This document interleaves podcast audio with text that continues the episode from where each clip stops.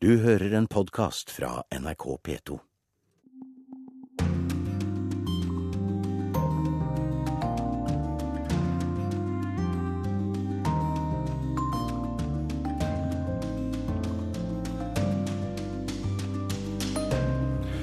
Forhandlingene om fred i Sør-Sudan ser ut til å bråte sammen. Vi spør hvorfor. I Berlin gir en ny organisasjon råd til EU-borgere som vil hjelpe båtflyktninger. Donald Trump skylder Kina for å skade amerikansk industri. I California skal gummiballer løse vasseskrisa til den tørkeråka delstaten. Og korrespondentbrevet kommer fra krigsherja Mali. Dette er Urix på lørdag. Jeg heter Roger Severin Bruland. Mandag skal partene i Sør-Sudans nye Partene i Sør-Sudan etter planen møtes i Addis Abeba for å undertegne en fredsavtale. Men det blir det ikke noe av. Ikke denne gangen heller. Kampen om makt er viktigere for Salva Kiir og Rek Mashar enn noe annet. Tom Christiansen har tegna dette bildet av verdens yngste nasjon.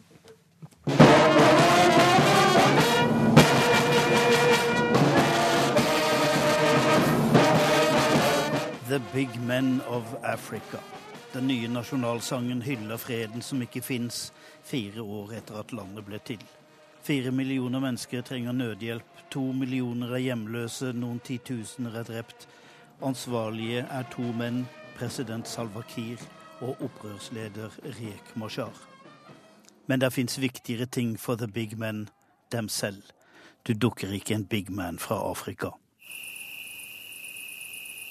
Nilen renner langsomt gjennom dette land og gir det sin fruktbarhet. Du kan dyrke året rundt, du kan fiske, og så fins det store oljeforekomster. Etter freden i 2005 mistet Sudan disse rikdommer til det nye landet i sør.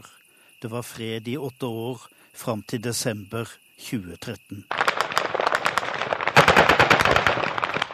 Etter opptøyer i hovedstaden Juba stakk den nylig avsatte visepresident Riek Mashar av og etablerte sin opprørsmilits, hovedsakelig med regjeringssoldater fra Nuer-folket.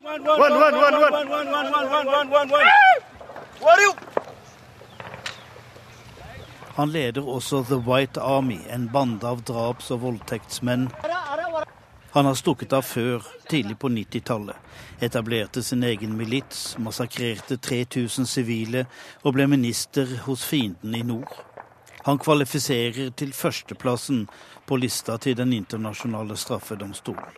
Nå er han opprørsleder igjen og håper folket vil gjøre revolt. The power has been usurped by a president who, whose time, whose expired, you know and they will make the decision whether to uprise, overthrow him, or uh, join us in the struggle against him.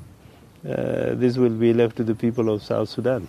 Den gjenværende hæren preges av Salva Kirs dinkaer. Han mener å ha full kontroll. I'm in full control because these are regular forces under my command. I'm in full control of them. The hatred yes, has been planted in them by Riek Machar. And we, on our side, always diffuse it. We tell people, no, Mr. there President. is no revenge. When I got the information that there was killings going on in the estates around Juba, I set up a commission, and then I sent in troops to arrest whoever that has taken law into his own hand. Men Sør-Sudans forsvar er ingen hær. De er en sammenslutning av lokale militser ledet av hver sin krigsherre. Nå kaller de seg generaler, og de holder fred så lenge de blir betalt. Det blir de ikke lenger. Staten Sør-Sudan fins egentlig bare på papiret. Det eneste som binder landet sammen som en nasjon, er kirkene, organisert fra menigheter til biskoper. Resten av samfunnet henger ikke sammen med annet enn felles fotballandslag og nasjonalsang. Sør-Sudan er en liksom-stat, uten institusjoner og administrativ oppbygning og samordning. Men gladelig finansiert og støttet av det internasjonale samfunn, særlig av Norge, som sammen med USA og Storbritannia utgjør troikaen, landets faddere. Her har vært konflikter i tusen år. Eliten er splittet, og de brukte ikke fredstiden til å forenes og legge sine feil bak seg. Aller minst knytter regjeringspartiet, tidligere frigjøringshæren, landet sammen. Den internasjonalt anerkjente Sudan-forskeren Alex de Waal mener at Salwa Kiir håndterte de splittede lederne i SPLM ved å spille på deres lyst på rikdom selv om han proklamerte nulltoleranse for korrupsjon og ba 75 topptjenestemenn om å betale tilbake de 35 milliardene de hadde stjålet. Det tilsvarer nesten statsinntektene for et år. Ministre stjal deler av statsbudsjettet, men dette vet ikke folk om. Tre av fire sørsudanere kan verken lese eller skrive.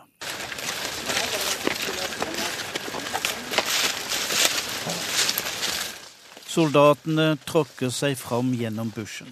Imens sitter deres ledere på luksushoteller i Addis Abeba og signerer fredsavtaler. Det er blitt sju til nå, og alle er blitt brutt umiddelbart. Salva Kiir har avvist alle hovedkrav i den siste avtalen, som egentlig skal signeres mandag. Det er flere enn militssoldatene som tråkker i bushen. Human Rights Watch har vært i delstaten Unity og kan fortelle om landsbyer som regjeringssoldater brenner ned, om gutter som blir drept, kvinner og deres døtre voldtatt og deretter tatt livet av, kveget som de lever av, blir stjålet. Kir og Mashar, de hater hverandre. Kir og partitoppene ligger i dyp konflikt etter at han fengslet mange av dem etter oppstanden i 2013. Salva Kiir har utvist et autoritært lederskap. Begge er mistenkte for å ha begått forbrytelser mot menneskeheten. Riek Mashar, denne sjarmerende akademiker med doktorgrad og egen milits. Salva Kiir, denne rolige katolikken som går i kirken hver søndag, og som mistenkes for folkemord. Er det disse to som skal gjøre Sør-Sudan til en stat. Ja, velkommen til oss, utenriksminister Børge Brende. Jeg sender spørsmålet videre til deg. Er det disse to lederne som er de rette til å styre i Sør-Sudan? Det er et godt eh, og betimelig eh, spørsmål. Begge er jo valgt av folket eh, i Sør-Sudan. Nå har valgperioden gått ut 9.7 det helt vesentlige eh, i månedene fremover er å få på plass en overgangsregjering, slik at man i fremtiden kan se for seg nye ledere som har som utgangspunkt folkets interesse eh, i Sør-Sudan. Det er et kjempestort land på størrelse med Frankrike, men har kanskje bare noen mil eh, med asfalterte veier, nesten ikke sykehus, men òg enorme muligheter, som Tom Christiansen var inne på. Eh, de har eh, masse tilgang på vann gjennom Hvitnilen. De kunne dyrka. De har olje- og gassressurser som kunne vært investert i skoler og sykehus for folket. Men splittelsen nå mellom de ulike etniske gruppene, ikke minst gjennom dinkaer og nuere, er skremmende. Og det jeg frykter mest av alt, er at vi igjen kan se et område i verden som eh, blir eh, brukt som en sånn stedfortrederkrig. Hvor du har Bashir eh, i eh, Sudan eh, som har sine eh, ambisjoner. Tross alt så sa han jo at ja, dette kommer ikke til å gå med et selvstendig Sør-Sudan. Og så har du Museveni, den sterke presidenten i Uganda med sterk tilknytning til Salwa Kiir og med 8000 soldater inne i Juba. Og hvis disse braker sammen, så får du et stormakt spill eh, i afrikansk regional sammenheng. Og du kan utvikle et Syria eh, i eh, Afrika eller et Somalia. Nå skulle det jo etter planen ha blitt undertegna en fredsavtale i Addis Abeba på mandag. Kan vi si nå at det ikke blir noen slik avtale? Når det gjelder Sør-Sudan, så er det helt umulig å si noe eksakt om fremtiden. Det kan endre seg over natta. Jeg snakka med vår spesialutsending Jens Petter Kjemperud bare minutter før jeg kom inn her. Han sitter i Addis, og der har eh, Salwa Kiir ikke dukka opp, presidenten. Rek Machar sitter der, altså den tidligere visepresidenten. Eh, Museveni har ikke kommet uh, enda, men Bashir, altså presidenten i, Sudan, er ventet. Og Hale Mariam, statsministeren i Etiopia som leder dette fredsforhandlingene, han er klar. Hva som skjer i morgen, uh, tror jeg er veldig avhengig av hvilket press som nå rettes inn mot president Salwa Kiir, ikke minst fra president Museveni i Uganda.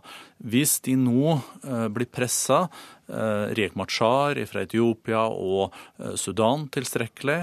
Og um, Sadakir, ikke minst fra Uganda, og at han føler at han ikke har støtte fra Museveni til å fortsette en trenering, så kan det jo bli undertegna en fredsavtale på mandag. Vi kan ikke utelukke det, selv om det ikke er den mest sannsynlige utgangen. Men så er det jo etterlevelsen av dette. De har undertegna avtaler tidligere, og hva er konsekvensene av å ikke etterleve de? De har vært minimale. Eh, kan vi se at det kan komme trusler om eh, sanksjoner og eh, lignende nå fram mot mandag, for å presse partene til å komme med en avtale?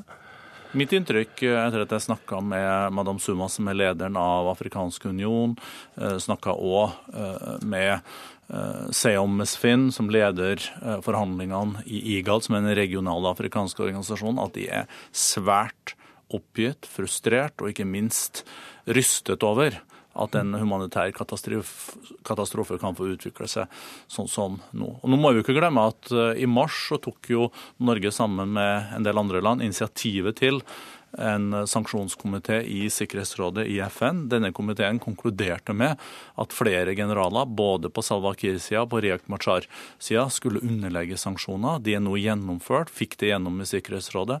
Det er reiserestriksjoner, man beslaglegger økonomiske midler. Jeg tror hvis vi nå ikke eh, ser resultatet av denne runden, så utelukker ikke jeg at man må komme med sanksjoner som truer også den politiske ledelsen eh, med at man beslaglegger det som er av finansielle ressurser. En av paradoksene eh, når man kommer til Juba i Sør-Sudan, er jo å si at den politiske ledelsen, regjeringsmedlemmene, de har ikke familiene sine i Juba og i Sør-Sudan.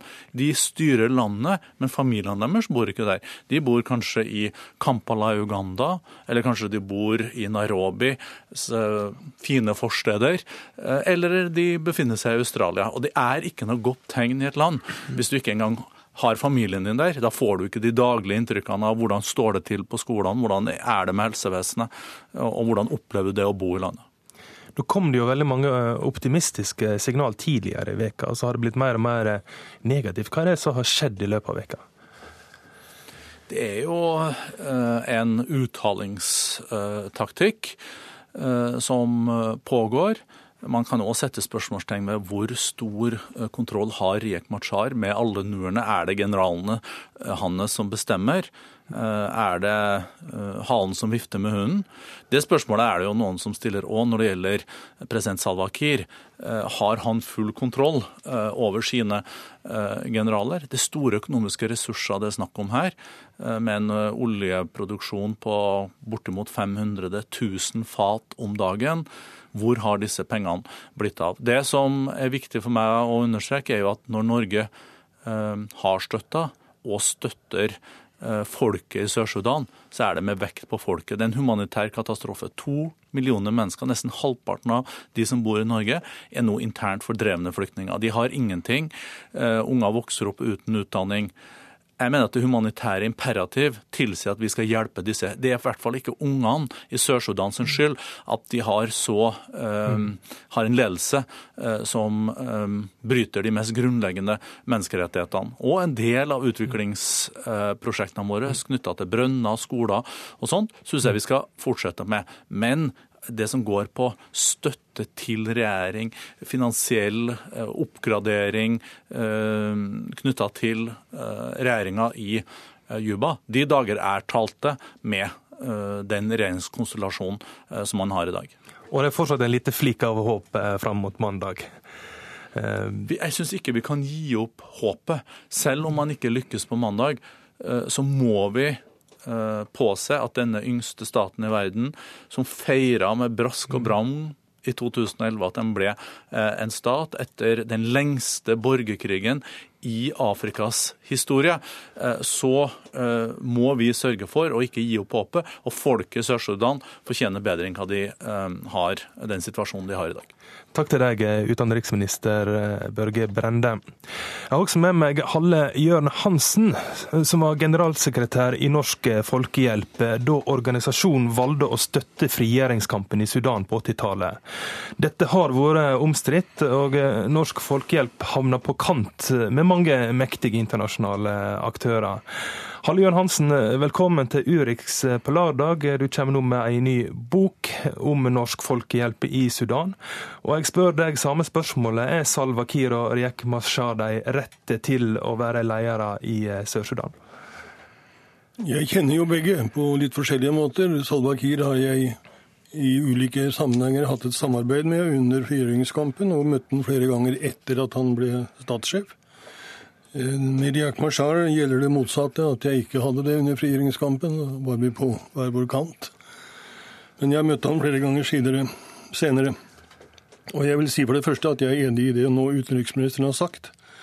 Hans analyse i all hovedsak. Og så vil jeg føye til at jeg tror for det første at jeg vil understreke at, jeg, at de som nå tjener på krigen, er så sterke også med hensyn til politisk innflytelse at de er en veldig stor hindring for å komme videre i forhandlingene. Det er generalene. Det er, det hærsjefen i Sør-Sudan, Paul Malong, som er en, en bandittleder. Han er, han er analfabet, men han er mektig, han er rå.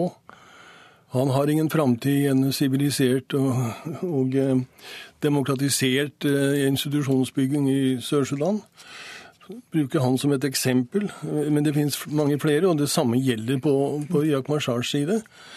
Eh, vi har havnet opp i en situasjon hvor jeg tror at de, de, eh, de kreftene som har en kortsiktig interesse av å holde krigen i gang, eh, nå i øyeblikket vedvarende pusher for å holde den i gang.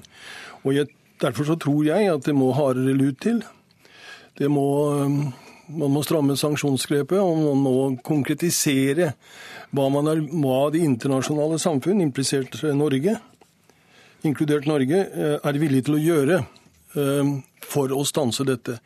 For I tillegg til alt det som Børge Brende har sagt, så er det jo også dette at det er økende, et økende bidrag til destabilisering av, av, landene og situasjonen på Afrikas Horn. Og der er det uro nok på, nok, nok på, på forhånd. Vi har situasjonen i Somalia. Vi har en dårlig utvikling i Libya. Vi har en dårlig utvikling i Egypt.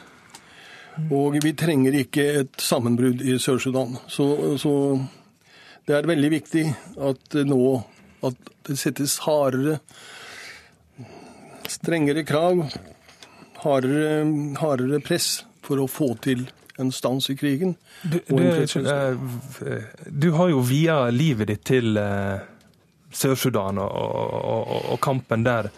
Eh, kan du si nå Var det, var det verdt det, eh, etter du ser alle disse tilbakeslagene? Det var jo folket vi var opptatt av, ikke de lederne som nå ødelegger for folket.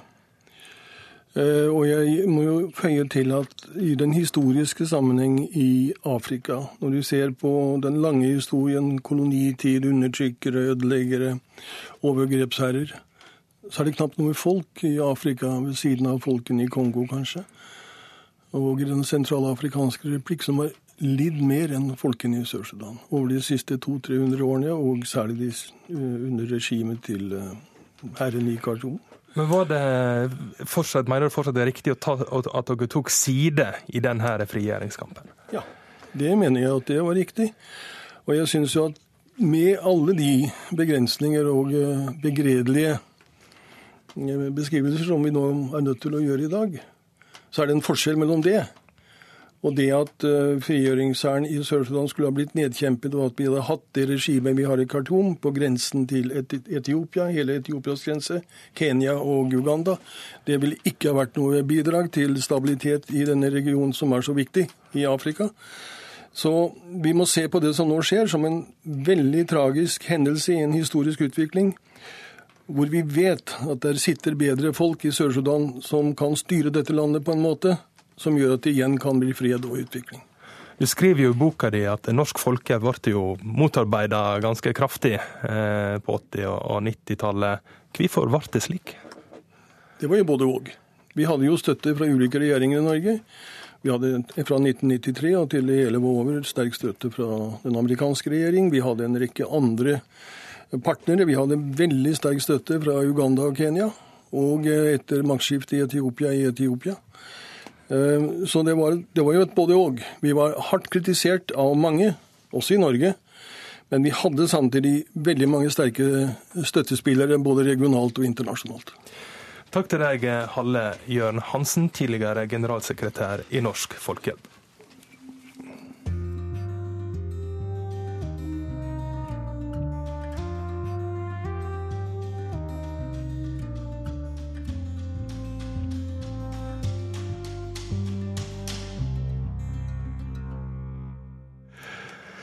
Og pga. konflikter som den i Sudan, er det mange som prøver å komme seg vekk. I sommer har det kommet rekordmange migranter til Europa. I Berlin har det blitt dannet en ny organisasjon som kaller seg Flyktninghjelperne. Korrespondent Guri Nordstrøm har mer.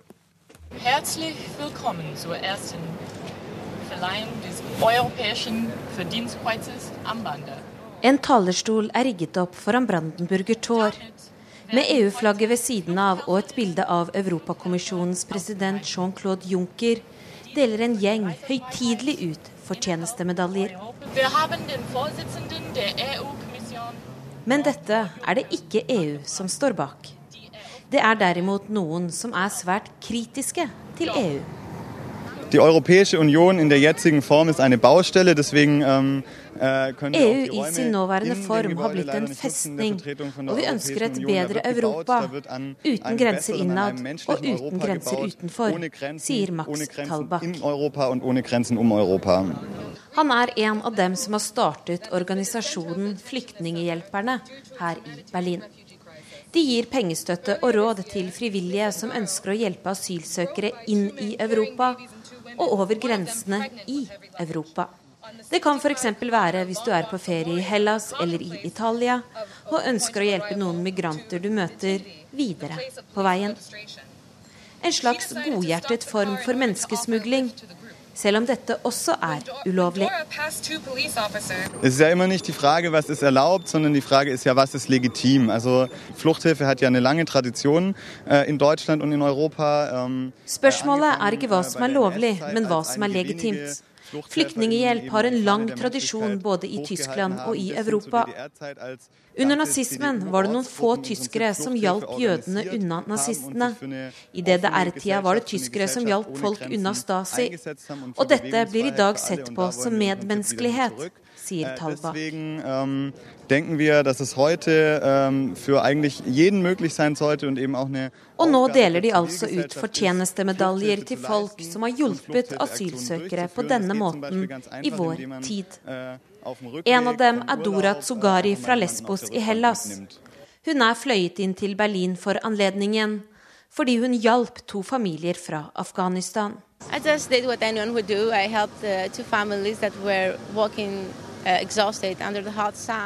Jeg gjorde bare det jeg burde ha gjort. Jeg så to familier som gikk helt utmattet under den sterke sola. De var fra Afghanistan og hadde nettopp kommet til Lesbos. En av dem var gravid i sjette måned og hadde et barn på tre år. Jeg tok dem med i bilen min, ga dem vann og kjørte dem dit de kunne registrere seg, forteller Sugari. Men hun gjorde det ikke uten risiko. And then I, I saw a port police van uh, on the side of the road. I stopped to ask them where could these people get their papers, the official documents they need. Vi møtte to politifolk på veien. Jeg stoppet for å spørre hvordan jeg kunne skaffe papirer til disse menneskene. Politimennene sa at det jeg gjorde var ulovlig. De arresterte meg, og jeg ble sittende ett døgn i varetekt. Jeg kom meg ut etter å ha betalt kausjon. Jeg skulle mye heller ha sett at pengene jeg betalte, gikk til de afghanske familiene, og ikke til rettsvesenet, sier Tsugari. Hun forteller at det som skjedde med henne, har gjort at andre er redde for å hjelpe.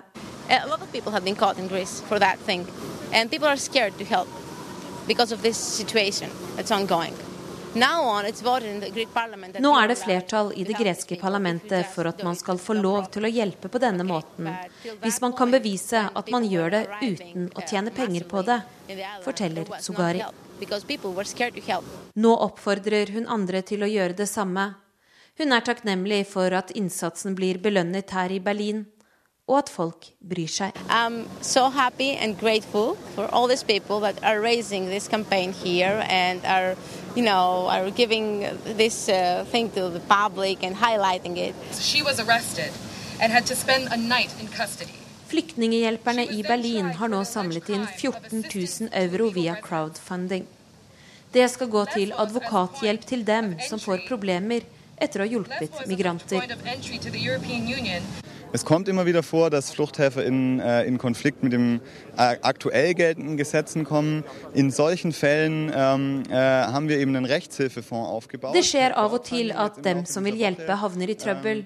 Derfor har vi et eget fond for rettshjelp, forteller Talbakk. Pengene står nå klare for å hjelpe dem som vil hjelpe. Og Tsugari er ikke ferdig. Yes, I will continue and I will help them in any way that is needed. Torres shows a true respect for human rights and a vision of Europe of freedom, equality, and true solidarity.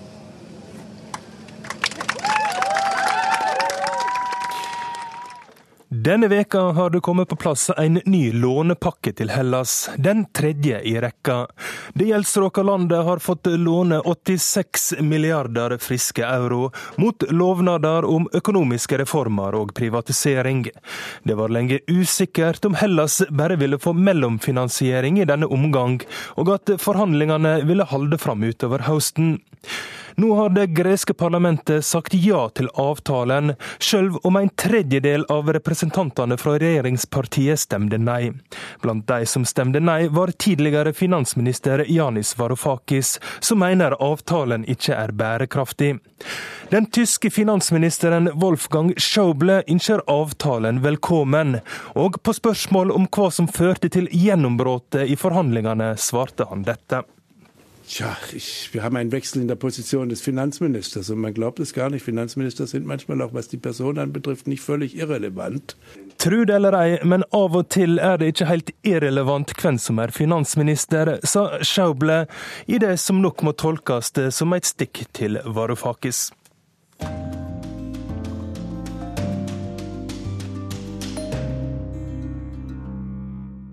Kina har denne veka svekka valutaen sin i forhold til dollar med over 4% Det er den største devalueringa på 20 år, og nå blir det spekulert om motivet.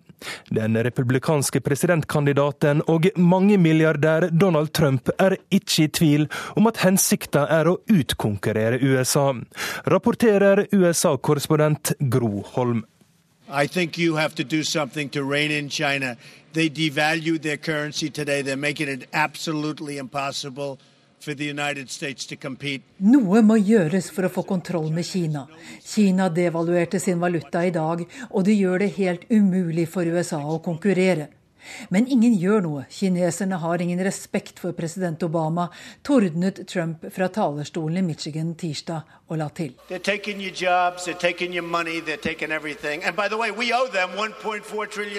De tar jobbene deres, de tar pengene deres, de tar alt. Og vi skylder dem 1400 milliarder dollar. Det er ren magi, sa Donald Trump.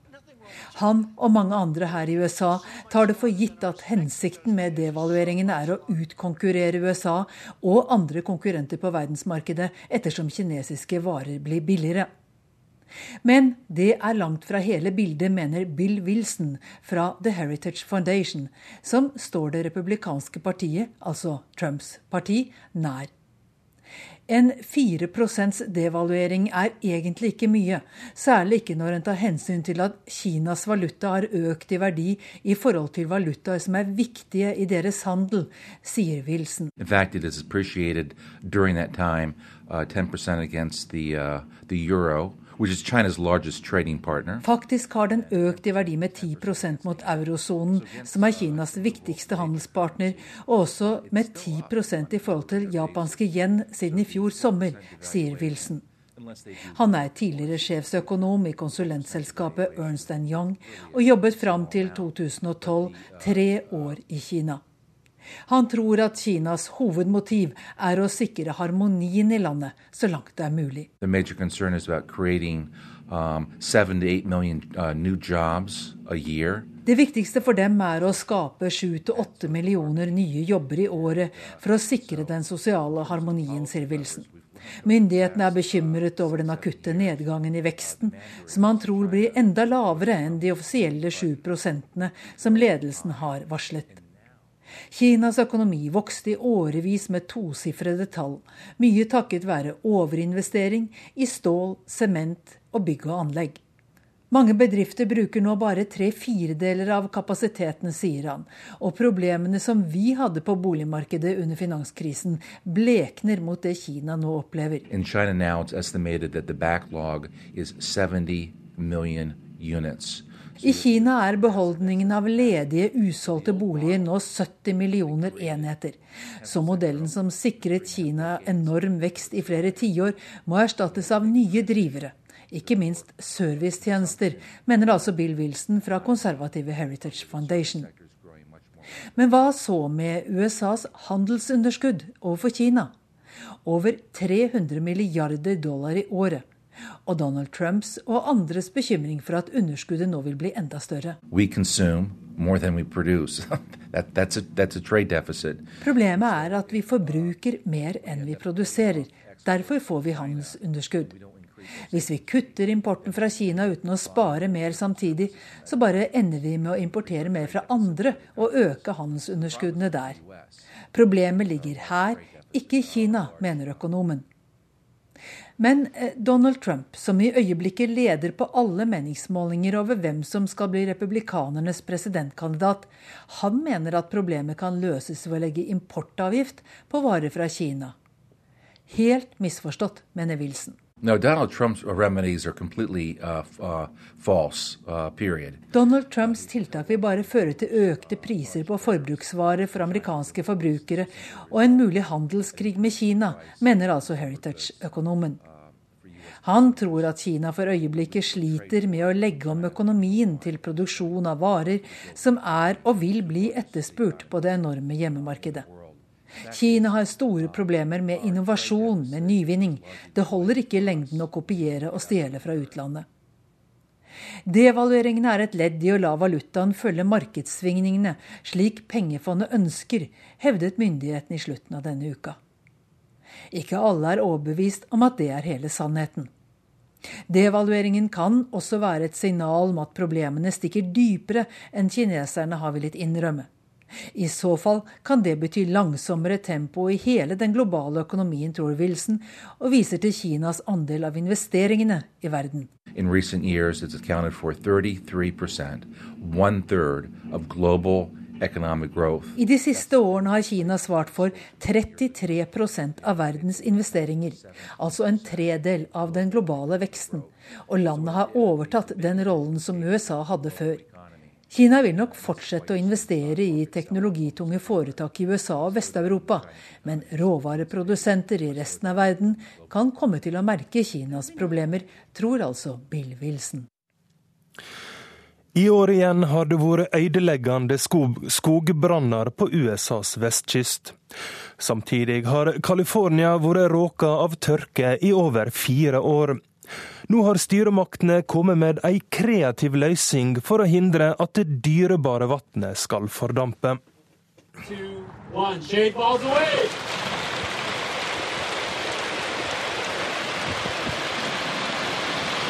Titusenvis av små, svarte gummiballer slippes ut i et av Californias mange halvtomme vannreservoarer. Dette er det siste påfunnet for å redde den tørkerammede delstaten på USAs vestkyst. Really they help uh, to cut down on evaporation. That helps us save water. And then it also helps to prevent algae from growing in the reservoir, so it improves our water quality. And then finally, as a side benefit, it helps keep the uh, Tanken er at når sola treffer ballene istedenfor vannet, vil det hindre at vannet fordamper. I tillegg vil ballene hindre algeoppblomstring, forteller David Pedersen ved vannverket i Las Virginis, like utenfor millionbyen Los Angeles. Ifølge myndighetene vil tiltaket hindre at 300 millioner gallon, eller 1,1 milliarder liter vann, vil fordampe hvert år. Og det kan bli livsviktig. For med fire år uten noe særlig nedbør, ønskes alle kreative ideer velkomne i delstaten som for første gang nå har innført vannrasjonering i de store byene.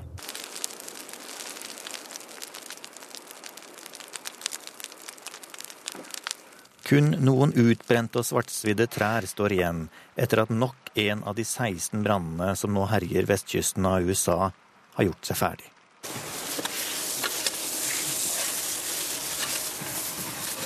Hjelpeløse brannmenn står igjen og spruter dyrebare dråper vann på restene.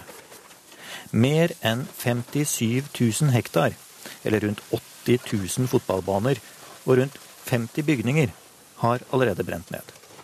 13 000 mennesker er evakuert, og fortsatt kjemper mer enn 11 000 brannmenn mot brannene som svir av delstaten.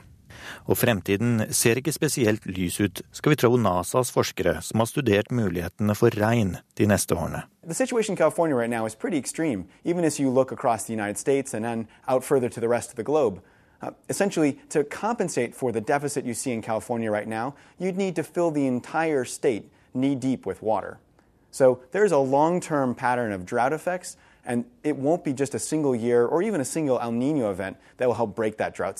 For å kompensere for det ekstreme været i California, så må det regne en halv meter vann i hele delstaten i løpet av ett døgn, sier dr. Doug Morton i NASA. Noe som tilsvarer et helt års nedbør i solfylte California. Morton og hans NASA-kolleger har sett på forholdet mellom nedbør og minkende grunnvann i området og de har sett noen helt klare sammenhenger. When you have less surface humidity, when you have uh, drier vegetation, the entire system is ready to burn. And of course, this year has been no different than other recent drought years in California, with large wildfires in Northern California and very difficult and dangerous conditions for fighting those fires. Ifølge romfartorganisasjonen er det to hovedgrunner til ekstremtørken. De normalt så regnfylle skyene som kommer inn fra Stillehavet, og som fyller opp elvene i nord, har de siste årene blitt stadig færre samtidig som vannforbruket og uforsiktigheten til de rundt 40 millionene som bor i dette området som tidligere var ørken, har økt kraftig. Og ting vil bli verre. Under the latest generation of climate models, we see that most of the desert southwest and California is likely to experience more frequent, more severe droughts over the coming decades. Um, those are pretty consistent results across all of the models, and they do suggest that the kinds of conditions we see now in California will be more important um, and more frequent in the future.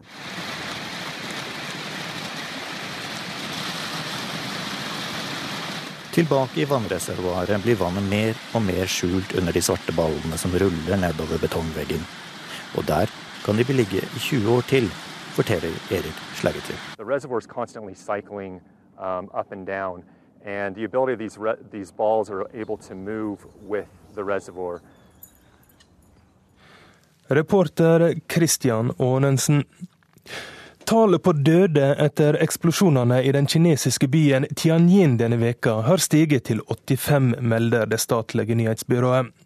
Det brenner fremdeles i ruinene på industriområdet, og flere i nærleiken ble i dag evakuerte grunnet frykt for kjemikalier i lufta. Nå skal vi på messe i Italia. Verdensutstillinga Expo 2015 i Milano er blant verdens største i sitt slag. 145 land deltar, og tre måneder etter åpninga har mer enn ti millioner vært innom. Men hva får deltakerlandene igjen for dette gigaarrangementet? Kollega Arnt Fansen har besøkt Expo 2015.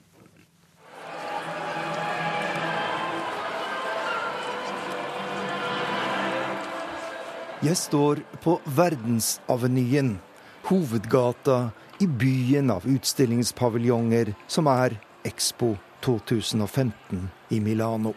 Langs den brede avenyen strømmer tusener av mennesker til for å ta del i kveldens program.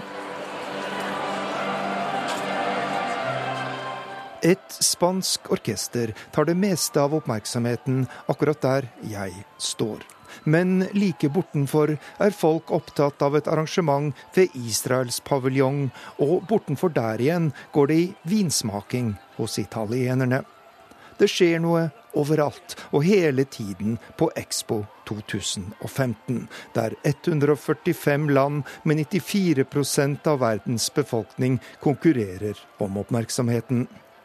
Og mangfoldet til tross. Det er en felles tanke med det hele. Bærekraftig matforsyning er det samlende temaet, og det er utmerket, sier lederen for Innovasjon Norges kontor i Milano, Elisabeth Meyer. Vi står jo overfor et paradoks hvor det er nok mat til alle på jorden, eh, men vi klarer ikke å fordele den riktig.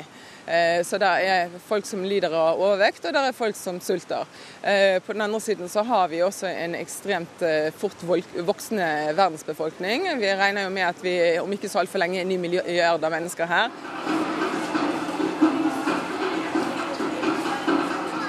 Hele ti millioner mennesker har besøkt verdensutstillingen her i Milano siden den åpnet i begynnelsen av mai.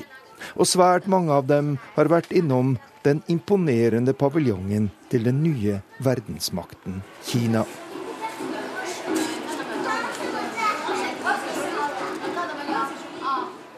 En skog av lamper i skiftende farger får de besøkende til å gispe.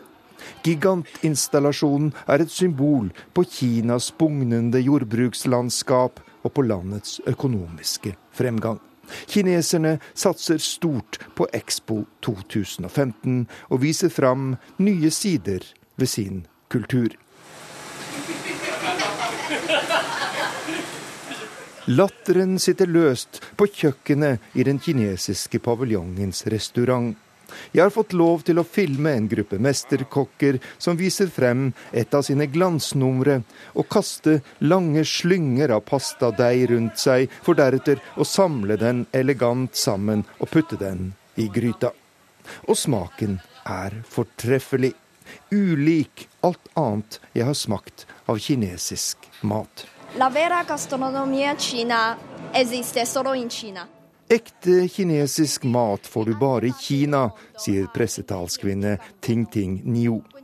Denne pastaen er fra Hunan-provinsen, der jeg selv kommer fra, legger hun til og smiler stolt. På vår paviljong har vi engasjert mesterkokker fra åtte kinesiske provinser, slik at publikum kan bli kjent med den gastronomien som Kina egentlig har å by på.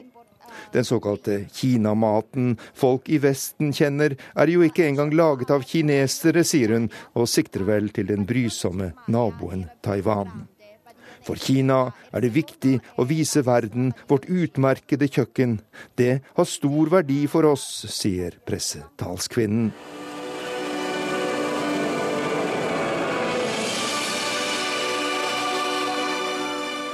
Det er blitt kveld på Expo 2015.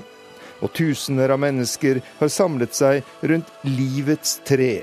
En enorm jernkonstruksjon formet som en palme og dekket med små lamper som lyser i ulike farger og skaper et imponerende lysshow. Verdens største møteplass gir glede og opplevelse for mange. Om den bidrar til å redde verden, vil bare tiden vise.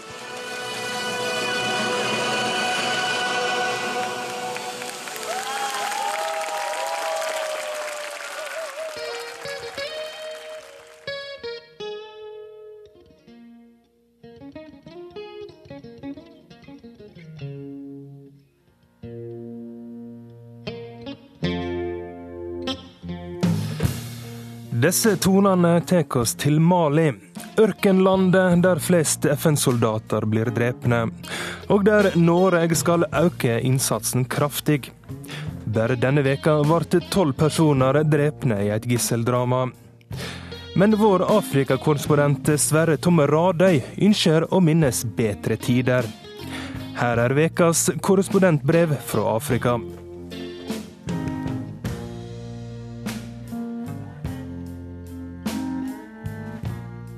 Før jeg rakk til rekka, var de farligste dyrene i Afrika borte igjen. De dukket alltid opp og ned mens jeg var i lugaren, hentet meg en øl i serveringsluka eller døste til ørkenblusen fra elvebåtens egen nærradio. 'Talking Timbuktu' med Ali Farka Touré, mannen som skrev følgende. Timbuktu er ikke det samme som verdensende. Jeg er født der, i jordens hjerte. Malis mester malte sinnet blått men Sahara gled glødende forbi i kveldssola på babord side. På elvebredden sto kvinner tvekroket og slo fargerikt tøy mot glatte vaskesteiner. Ungene hylte av fryd når de kastet seg uti. De første dråpene av denne elven blir en bekk på grensen mellom Sierra Leone og Guinea. Floden treffer havet utenfor Nigerias urolige deltaprovins. En bumerang av en elv som har gitt navn til to store stater. Mye vann har klukket seg rundt kvinnenes vaskestein siden jeg seilte forbi i 1996. Da var optimismen stor, folk var stolte av sitt ferske demokrati. Nå kan vi snakke fritt, sa innehaveren av Hotell Bukto, et nedslitt overnattingssted der den største attraksjonen var kjøleskapet som virket. To menn med blått stoff rundt hodet hørte hva han sa, de delte en iskald cola og nikket enig. Landet ble regnet som en afrikansk suksess, stabilt og med relativt store personlige friheter, en populær president skulle gjenvelges året etter. Turiststrømmen økte, investeringene økte, antall hoteller i Timbuktu økte fra to til sju på et par år. Det var fred i landet. En av coladrikkerne viste meg stedet der en mengde våpen ble brent og ødelagt året før, i en seremoni der også Norge var representert. Da hadde tuaregene skrevet under en fredsavtale mot løftet om økt selvstyre og en kraftig økning i overføringen av ressurser til denne marginaliserte delen av Nord-Mali. Det var verken første eller siste gang. Min kjentmann hørte jeg var fra Norge og takket Kirkens Nødhjelp for støtten. Den norske bistandsorganisasjonen hadde jobbet i landet siden midten av 1980-tallet, og både opprørsledere og regjeringsmedlemmer hadde tidligere stått på lønningslista. Så med tillit til begge leire kunne Kirkens Nødhjelp spille en positiv rolle i en gammel konflikt om retten til helse og utdanning til land og vann. Men tuaregene mente at for lite skjedde, og slå til igjen i 2012. Ørkenen fløt over av våpen etter Gaddafis fall året før. Våpen og unge mennesker spredte seg til nabolandene fra Libyas militærbaser, slik forskere og blant andre en norsk utenriksminister hadde advart mot. Så tuaregiske grupper angrep nok en gang fastboende farmere, politi og militærforlegninger. De erklærte sin egen stat, med Timbuktu som et av flere sentra. Død og ødeleggelser drev igjen tusener på flukt. Utenlandske hjelpearbeidere jeg snakket med, hevdet at tuaregene har fått uforholdsmessig stor sympati i vestlige land som et resultat av eksotisering og romantisering av denne folkegruppen. Ord vi bruker for å omtale tuaregene som for eksempel det blå ørkenfolket, underbygger den påstanden. Men i motsetning til på 90-tallet var ikke tuaregene lenger ørkenens mest fryktede krigere. Jihadistene hadde etablert seg i Sahel og ørkenområdene mot Nord-Afrika, med en rekke grupper med varierende slagkraft, med uklar ideologisk forankring og med uoversiktlige kommandostrukturer og mål. Jihadistene tok over tuaregenes opprør, det ble verre og verre i Timbuktu. 16 år tidligere hadde jeg entret elvebåten et stykke fra byen på lange Lealaus planker. Billetten var ugyldig, og båten allerede overfylt med fattigfolk og fe på nederste dekk, folk flest med sivmatteplass på mellomste, og på øvre dekk de privilegerte som sto ved rekka og så på det eksotiske surret der nede. 30 kilo tunge saltblokker fra tuaregenes gruver 600 km nordover i Sahara ble varsomt lastet om bord. Det var rop og skrål fra gutter i fillete bukser som ville dykke etter småmynt, som når skibladner la ut fra Hamar og turistene kastet femøringer i Mjøsa den gang da. Over rekka på andre dekk kastet selgere stoffbylter med indigofargede kleder ned til oppkjøperne på stranden, så det søkk i sanden. Var det dette stoffet som hadde gitt tuaregene kallenavnet Det blå ørkenfolket? Det var jo deres hodeplagg. Norske vikinger fortalte om sine kamper mot blåmenn da de kom hjem fra reiser i Middelhavet på vei til Konstantinopel. Lå forklaringen i byltene der nede på Nigers nordvestre bredd? Menn løftet tunge bører opp på lasteplan, på eselkjerrer og på kvinnenes hoder. Så var det å gi seg i vei til Timbuktu, en av verdens mest sagnomsuste byer, kjent for gull og elfenben, salt og slaver, og som lærested for islam. Modige menn fra Europa ofret livet for å bli den første europeer til byen. I 1824 utlovet Det geografiske selskap i Paris en belønning på 10 000 franc for den som kunne bevise at han eller hun hadde vært der. Det var først 29 år senere at en tysker ved navn Heinrich Barth nådde fram og tilbake med livet i behold. Da jeg besøkte byen var det lite elfenben å se, men fremdeles kom kamelkaravanene inn med saltsteinene. Fremdeles handlet tuaregene stoffremser til hodeplaggene på markedet i Timbuktu. Og fremdeles holdt de Bela-folket som slaver. Det er slavene som bryter saltet fram, fortalte en saltoppkjøper, som et faktum alle kjente til. Timbuktu var heller ikke lenger et lærested for islam, men bevisene på byens historiske betydning var mange, sa Ahmed. Fra byens største muddersteinsmoské sang han sent og tidlig ut de obligatoriske oppfordringene til bønn. Han var senete, han var svært gammel, men stemmen var sterk og varm. Han var byens frisør og en aktet omskjærer. Ahmed ville ikke ha betalt for å vise meg rundt på religionshistoriske jordbærsteder, men ba om en håndfull dispril for bryderiet da jeg takket for følget. Om jeg ville se noe spektakulært før jeg dro? Han viste meg inn i et lokale rundt hjørnet som støvallergikere ville mislikt sterkt. En enda eldre mann satt ved et ustøtt lite bord og nikket til oss uten å se opp. Vi var ventet. Og der lå de, nedtegnelser fra århundrer tilbake om eiendomsskifter, saltpriser, giftermål og nabotvister, de lå i høye, skjeve stabler på bord og hyller, håndskrevne familiekrønikere i slitte permer. Mannen pekte mot noen skjeve glasskap. Der lå det de mente var de viktigste originalskriftene med tolkninger av profetens budskap fra Timbuktu, fra den gang byens navn ble uttalt med den største respekt over hele den islamske verden. Bøkene lå hulter til bulter og ropte på en dugelig bibliotekar, på lagringsplass og klimaanlegg. Ahmed tok ut en tilfeldig bok, bladde litt og viste fram noen arabiske tall. Fra 1500-tallet, sa han, og tok fram en ny bok, bladde litt, så enda en. Senere ble dette overfylte, kaotiske boklageret med 30 000 skrifter erstattet av et moderne bibliotek finansiert av Sør-Afrika. Men så sent som i 1996 kunne altså tilfeldig interesserte bla i bokjuvelene til en av Afrikas største og viktigste samlinger. Vel var det perler jeg ikke forsto verdiene av, men svin ville ingen av oss likt å bli kalt, og aller minst Ahmed. Men jihadistene ville brenne hele greia. De stormet byen i 2012 og satte fyr på biblioteket. En hel verden av kultur- og religionsinteresserte fortvilet, men lokale helter hadde gjemt unna det aller meste før de voldelige islamistene fikk ødelagt også denne delen av verdensarven. Den enøyde Mukhtar Bel-Mukhtar var også der. Senere ble han knyttet til angrepet mot gassanlegget In Amenas i Algerie, der blant andre fem nordmenn ble drept. Påstanden om at han selv ble drept i Mali i vår, er ikke bekreftet. Nå vil Norge øke den militære innsatsen i Mali med et transportfly og en stab på minst 50 personer i kampen mot terroristene. Som et bidrag til å minske årsakene til terror fikk Mali status som et såkalt fokusland i januar, med utsikt til betydelige midler fra Norge til bl.a. utdannings- og helseprosjekter. Men tilbake til båten ved Nigers bredd. Det var ikke denne båten jeg hadde kjøpt billett til.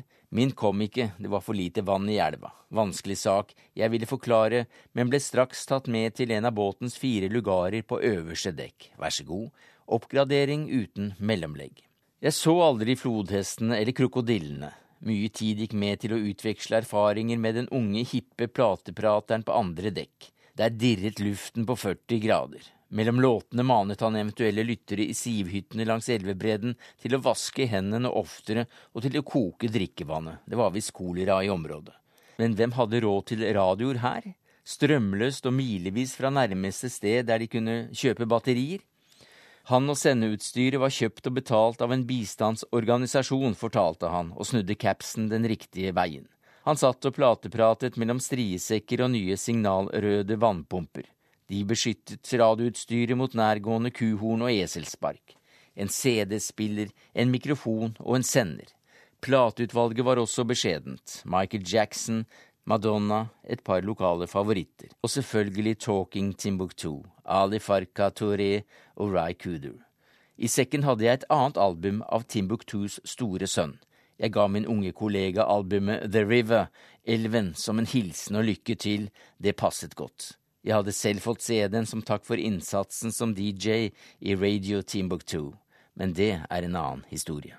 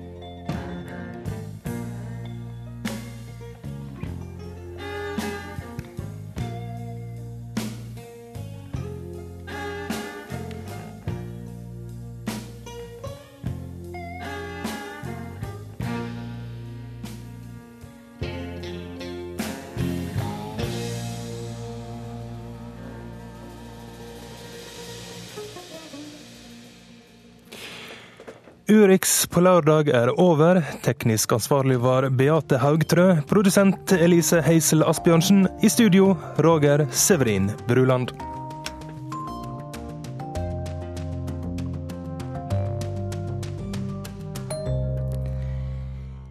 Du har hørt en podkast fra NRK P2.